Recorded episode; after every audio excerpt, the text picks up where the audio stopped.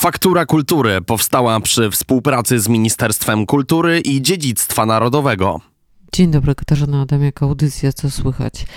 W przededniu 79. rocznicy operacji Market Garden gościem tego wyjątkowego programu jest Mateusz Mroz, wnuk kartografa, oficera wywiadu sztabu pierwszej samodzielnej Brygady Spadochronowej, uczestnika tej operacji Adelfa Mroza. Dzień dobry. Dzień dobry Państwu. Kto utworzył, kto tworzył pierwszą samodzielną brygadę? Pierwszym dowódcą i twórcą był pułkownik Stanisław Sosabowski, dowódca 21 Pułku Piechoty. No, jako, tworzył to jako jednostkę kadrową z oficerów, którzy przybyli z nim e, z Francji. E, no, później dochodzili do tego szeregowi żołnierze, ale pierwotnie była to jednostka kadrowa składająca się przede wszystkim z oficerów i podoficerów. Jak trafił do pierwszej brygady e, twój dziadek? Ewakuował się tym samym statkiem z Francji, spod Bordeaux, którym się ewakuował Sosabowski razem z innymi żołnierzami i po prostu po przypłynięciu do, do Anglii i przejazd pociągiem do um, obozu zbiorczego w Szkocji trafił do czwartej kadrowej brygady strzelców kto wpadł na pomysł e, operacji Market Garden, jakie były losy. Ja wiem, że ta historia jest Państwu pewnie znana, ale na pewno jest jeszcze grupa słuchaczy, która e, nie zna szczegółów, nie, może nie pamięta, dlatego wydaje mi się, że w przededniu rocznicy warto to przypomnieć. Kto wpadł na pomysł e, Market Garden jakie były koleje pierwszej samodzielnej brygady spadochronowej? Pomysłodawcą był Montgomery, który chciał się bardzo wykazać przed swoimi przełożonymi, również amerykańskimi, przed Eisenhowerem e, i pokazać, że też coś potrafi w Europie zrobić, e, a mm, mm, no i jakby przedstawiając ten plan szybkiego obejścia linii niemieckich na pograniczu holendersko-niemieckim y, i francusko-niemieckim od północy poprzez właśnie rzeki i kanały Holandii, wejście na tereny nizinne Niemiec i skrócenie wojny o pół roku, mniej więcej do Bożego Narodzenia 1944 roku. Takie było założenie operacji Market Garden. Jakie było, e, jakie było nastawienie generała Sosabowskiego i żołnierzy polskich? Może żołnierzy polskich to niekoniecznie, ale generał Sosabowski jako doświadczony e, dowódca i wykładowca Wyższej Szkoły Wojennej no, zadawał dużo pytań. Pierwotnie ta operacja miała, miała, w tej operacji mieli uczestniczyć tylko e, jedna dywizja brytyjska powietrzno-desantowa i polska brygada. Natomiast obiekcje, które podczas odpraw e, zgłosił Sosabowski, spowodowały, że stworzono, no, jakby nie stworzono, pierwsza armia powietrzno-desantowa składająca się właśnie z tej brytyjskiej dywizji, dwóch dywizji amerykańskich i polskiej brygady została w to zaangażowana. Jak się okazało, też nie wystarczało to. Te losy, e, te losy e, uczestników Market Garden to Państwo e, na pewno widzieli chociażby w filmie o Jeden Most za daleko. Historia jest o tyle bolesna, że właśnie wspomniany generał Sosabowski nie był entuzjastą tego pomysłu, a jednak zapłacił najwyższą cenę, jeśli chodzi o, o taką polityczną ocenę tego wydarzenia. No tak, zapłacił wysoką cenę poprzez zdjęcie go pod naciskiem brytyjskim z dowództwa, w grudniu z dowództwa e, jednostki, którą stworzył, którą dowodził. No, tylko dlatego, że no, Brytyjczycy nie, nie mogli się przyznać do swojego błędu. Dokładnie wszystko to, co mówił Sosabowski przed operacją, a nawet w trakcie jeszcze e, podczas pewnej odprawy w Walburgu, e, gdzie jeszcze te losy operacji mogły się e, odmienić na korzyść aliantów. Brytyjczycy tego nie posłuchali, zrobili po swojemu, no i niestety e, jak to Anglicy nazwali, było to magnificent disaster, czyli wspaniała klęska. Mijają lata. Y, historia generała Sosabowskiego po wojnie jest historią smutną y, i dopiero kilkadziesiąt lat później y, jakby przywraca się jego miejsce właściwe w historii. Ale jakie były losy twojego dziadka, Adolfa Mroza? Mój dziadek po wojnie, czy podczas, w, trakcie bitwy, podczas przeprawy przez Ren został ranny e, z pociskiem moździerza, stracił nogę prawą. E, po wojnie generalnie pozostał, pozostał w Anglii, jako że w cywilu był, był geodetą, został wykładowcą na London Polytechnical University i do, do końca życia w 1969 roku e, był tymże właśnie wykładowcą na uczelni londyńskiej. Bo my dziś, proszę Państwa, opowiemy Państwu jedną z niesamowitych historii, które Mateusz e, odnalazł, którą Mateusz uporządkował. Ale jak Ty trafiłeś, jak, jak kiedy e, Ty ze swoją rodziną, ze swoim tatą pojechaliście po raz pierwszy do Arnhem? Było to w 2004 roku. Znaczy, znałem historię dziadka, ale nigdy się jakoś w to nie wgłębiałem. No, poczytałem jakieś tam parę książek, a w 2004 roku podczas 60. rocznicy, przed 60. rocznicą powiedziałem do ojca, ty nie byłeś, ja nie byłem, pojedźmy, zabierzemy Jeremiego, czyli mojego najstarszego syna, ówcześnie dziewięciolatka, e, pojedźmy, zobaczmy, jak to wygląda tam to miejsce i, i zobaczymy. I po prostu będąc tam, mm, no, wciągnąłem się w temat. No i potem to jakby zaowocowało moimi dalszymi działaniami. To, bo Państwo być może yy, wiedzą, bo mieli okazję, ale myślę, że to jest jednak e, takie małe miejsce i nie każdy z, z naszych słuchaczy będzie, e, będzie wiedział, o czym my mówimy. To są te trzy miejscowości, czyli Arnhem, Osterbeck i Driel, gdzie właściwie są te ślady polskie. Są y, tam też są cmentarze, są groby poległych, miejsca, gdzie, gdzie zostali zabici. Są też te miejsca, które które, które gdzieś doty- gdzie są naznaczone historią Polaków, e, te miejsca, w których uczestniczyli oni w walce. I ta historia, o której teraz chcę opowiedzieć, to jest historia e, żołnierzy, których e, groby były oznaczone jako NN. Od czego zaczęło się Twoje poszukiwanie? Kiedy Ty podjąłeś decyzję, że spróbujesz odzyskać tożsamość tych żołnierzy? To się zaczęło właśnie w 2004 roku. Znaczy ja nie wiedziałem, że to się wtedy zaczęło. To kupiłem w muzeum w Hartenstein Muzeum Bitwy książkę, którą wydali Holendrzy po angielsku. E, to się nazywa po polsku to była księga, nazwijmy Księga Poległych Polskich Żołnierzy pod Arnem, gdzie są opisane ich data urodzenia, miejsce, gdzie się urodzili, gdzie zginęli, jeśli wiadomo, i gdzie są, na, w jakim grobie są na cmentarzu w Osterbeck, na cmentarzu wojennym pochowani. I z taką wiedzą, z tą książką mm, pojechałem, znaczy może bez tej książki, ale pojechałem dalej szukać śladów dziadka do, do Londynu, do Instytutu Sikorskiego e, w dokumentach brygadowych. I szukając dokumentów dotyczących dziadka, natknąłem się również na dokumenty z czasu bitwy, czyli e, raporty tak, tak zwane raporty o śmierci e, i e, raporty o pochówku, pisane na gorąco podczas bitwy lub też tuż zaraz po bitwie z notatek, które e, żołnierze, czy oficerowie, czy podoficerowie robili, chowając swoich kolegów. I natykając się również na w tych dokumentach, na przykład na metryki zgonu, które były wystawiane, tam jest taka rubryczka miejsce pochówku. I często było wpisane właśnie miejsce polowego pochówku, bo te metryki były wystawiane jeszcze w czasie wojny, w 1944 roku, zaraz po bitwie, po powrocie do Anglii. I, y, czyli na świeżo. Ci żołnierze, którzy ich chowali, pamiętali to. I nagle jak zacząłem porównywać, mówię, choroba, coś jest nie tak. Tu wiemy, jest pochowany, opisane przez, e, przez ich, jego kolegów, a dzisiaj człowiek nie ma grobu. Więc zacząłem to drążyć. Zacząłem poznawać tam Anglików, zacząłem poznawać Holendrów różnych, zacząłem się pytać. E, oni mi udostępniali dokumenty, które oni mają, swoją wiedzą się dzielić.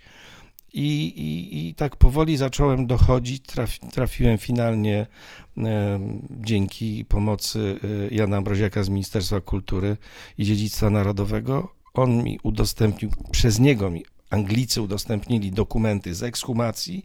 Nagle mi się zaczęło tych dokumentów robić coraz więcej, coraz więcej. Zacząłem to porównywać, takie krzyżowe porównywanie. I y, wyszedł jakby obraz pewnego bałaganu, który był po wojnie, bo tych ekshumacji dokonywały jednostki brytyjskie grobowe. I no po pierwsze, nie znali polskiego, mając e, nazwiska polskie, oczywiście przekręcali bardzo często. Rozmawiając z dowódcą takiej jednostki poszukującej, holenderskiej, poszukującej poległych, on mi też powiedział: Uważaj na te zapiski, bardzo często, jakkolwiek to nie jest reguła, one są mm, błędnie zapisane. Oni tak, rano, kiedy oni zaczynali pracę, one były ok. Natomiast pod koniec dnia bardzo często pisali już niewyraźnie i mylili się. A dlaczego? Dlatego, że praca z, przy ekshumacji ciał sprzed roku, 8 miesięcy roku, półtora roku, no wymagała od nich, e, dostawali po prostu alkohol i w ciągu dnia no, byli pijani po prostu. I mogły się te błędy zdarzać. Znaczy ja nie winię, nie winię tych, tych, tych ludzi z tych jednostek grobowych, natomiast no, no tak było. Tak było, co powodowało, że na początku na przykład pisma przychodziły do brygady, że plutonowy Edward Morchonowicz, bombardier Kazimierz Hartanowicz e, zostali odnalezieni i, i stwierdza się ich zgon i są pochowani tu i tu. Dokument, który przyszedł w 1945 już po wojnie do brygady. Natomiast Dzisiaj, może nie dzisiaj, bo akurat, akurat tych dwóch y, mam, mamy zidentyfikowanych, ale nie mieli grobu, byli w bezimiennych grobach i to jest w kilku dobrych przypadkach tak się zdarzyło. Kiedy udało Ci się e, zidentyfikować e, pierwszego, drugiego, ale kiedy, kiedy bo mówimy, zaczyna się historia w 2004 roku, Ile lat zajęło ci poszukiwanie tego, e, tego pierwszego, którego udało się i kim był e, nazwać jego grup? No właśnie, ten pierwszy wbrew pozorom nie był pierwszy. Pierwszych, e, pierwszym był, był Kazimierz Hartanowicz, który nie ma jeszcze dzisiaj grobu imiennego, jakkolwiek dokumenty u Brytyjczyków są złożone. I to było w roku 2012. Jeszcze mnie, mam jednego, który też czeka, mimo że wtedy już, ale ówczesne władze, to był urząd, Urząd do Spraw Kombatantów, pan Krzysztof Kuner się tym zajmował. Przedstawiłem im dokumenty, byłem na spotkaniu, natomiast literalnie to miało być na 70. rocznicę, no mówię, 2012 rok, mieli dwa lata, nie zrobili literalnie nic. I dopiero w 2016 roku właśnie Ministerstwo Kultury i Dziedzictwa Narodowego i, i Jan Ambroziak e, umożliwili mi po pierwsze dostęp do, do większej ilości dokumentów brytyjskich i pomoc instytucjonalną, e, która spowodowała, no, jak do tej pory, przywróceniem nazwiska dwóm, dwóm żołnierzom, dwóch czeka e, w kolejce u Anglików. To jakim żołnierzom udało się przywrócić imienne groby? Dwa lata temu e, to był kapral Edward Trochim z Dywizjonu Artylerii Przeciwpancernej i w tym roku, de facto w zeszłym roku nagrobek już był gotowy, natomiast uroczystości będą w tym roku. To jest plutonowy Edward Morchonowicz z trzeciego batalionu z dziewiątej kompanii. Ósmej kompanii, przepraszam. Rozmawialiśmy z ósmej kompanii, rozmawialiśmy o y, Edwardzie Trochimie, ale pokrótce może warto przybliżyć sylwetki tych e, dwóch postaci, bo to tylko e, chyba nasza pamięć może przywołać klimat tamtych dni. E, jeśli chodzi o, o, pierwszego żołnierza, czyli Edwarda Trochima, kaprala Edwarda Trochima, on z Polski wyjechał przed wojną z ojcem i ze swoim młodszym bratem, bodaj w 1938 roku e, albo 1937. E, po prostu za chlebem do Francji wyjechali.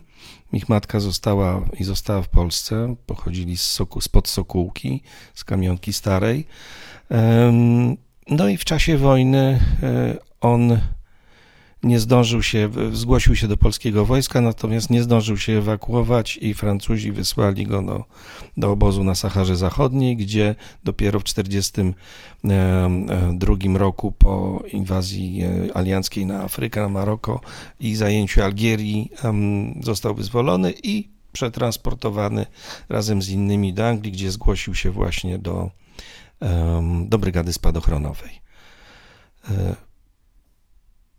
E, Drugim jest e, Edward Plutonowy, Edward Morchonowicz, e, zawodowy podoficer 24 Pułku Łanów, e, który no, klasycznie przebył szlak bojowy podczas kampanii wrześniowej ze swoją jednostką, ewakuował się do Rumunii, z Rumunii do Francji, z Francji do Anglii, gdzie najpierw trafił do, mm, też do 24 Pułku Łanów, już jako jednostki pancernej.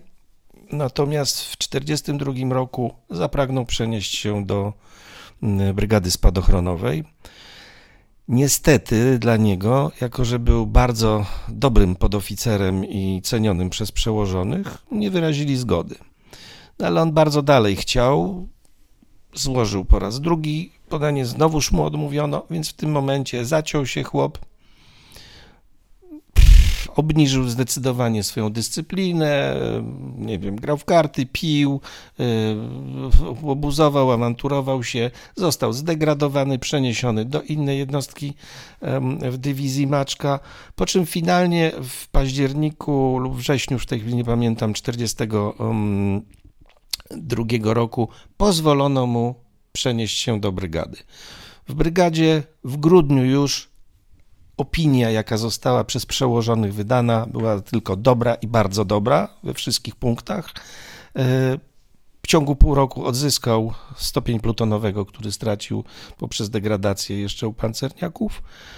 No a za swoje, za swoje czyny podczas e, walk w Driel e, w dniu 22 września i za postawę podczas przeprawy, bo przeprawiali się trzema gumowymi łódeczkami, dwoma takimi pontonami dingi, dwu, dwoma dwuosobowymi i jedną czteroosobową, e, został pośmiertnie odznaczony Krzyżem Walecznych. To historia. E, dlaczego e, Morchonowiczowi tak bardzo zależało, żeby trafić? Czy ty wiesz, czy udało ci się ustalić, czy się domyślasz może, dlaczego Morchonowicz tak bardzo chciał trafić do brygady? Miałem kiedyś możliwość rozmawiania z, z, z kombatantem, z jednym z żołnierzy brygady, niestety nieżyjącym już, który go pamiętał, e, który po studiach trafił do Kraśnika Lubelskiego, do jednostki właśnie, gdzie e, Morchonowicz był podoficerem e, i później jak trafił do brygady, to pamiętał Morchonowicza właśnie jako kawalerystę. Do wszystkich żołnierzy, którzy, których znał ze swojej jednostki, tej kawaleryjskiej, tu z Polski jeszcze, przemówił do nich tak, nie jesteś strzelcem spadochronowym, tylko jesteś ułan spadochronowy. A na przykład na siebie kazał tym wszystkim ułanom, których znał, mówił, ja nie jestem um, sierżant, akurat um, plutonowy to po angielsku jest, um, nazwijmy, młodszy sierżant. Um, kazał do siebie mówić, jestem wachmistrzem spadochronowym, czyli jest odpowiednik sierżanta, a nie plutonowym.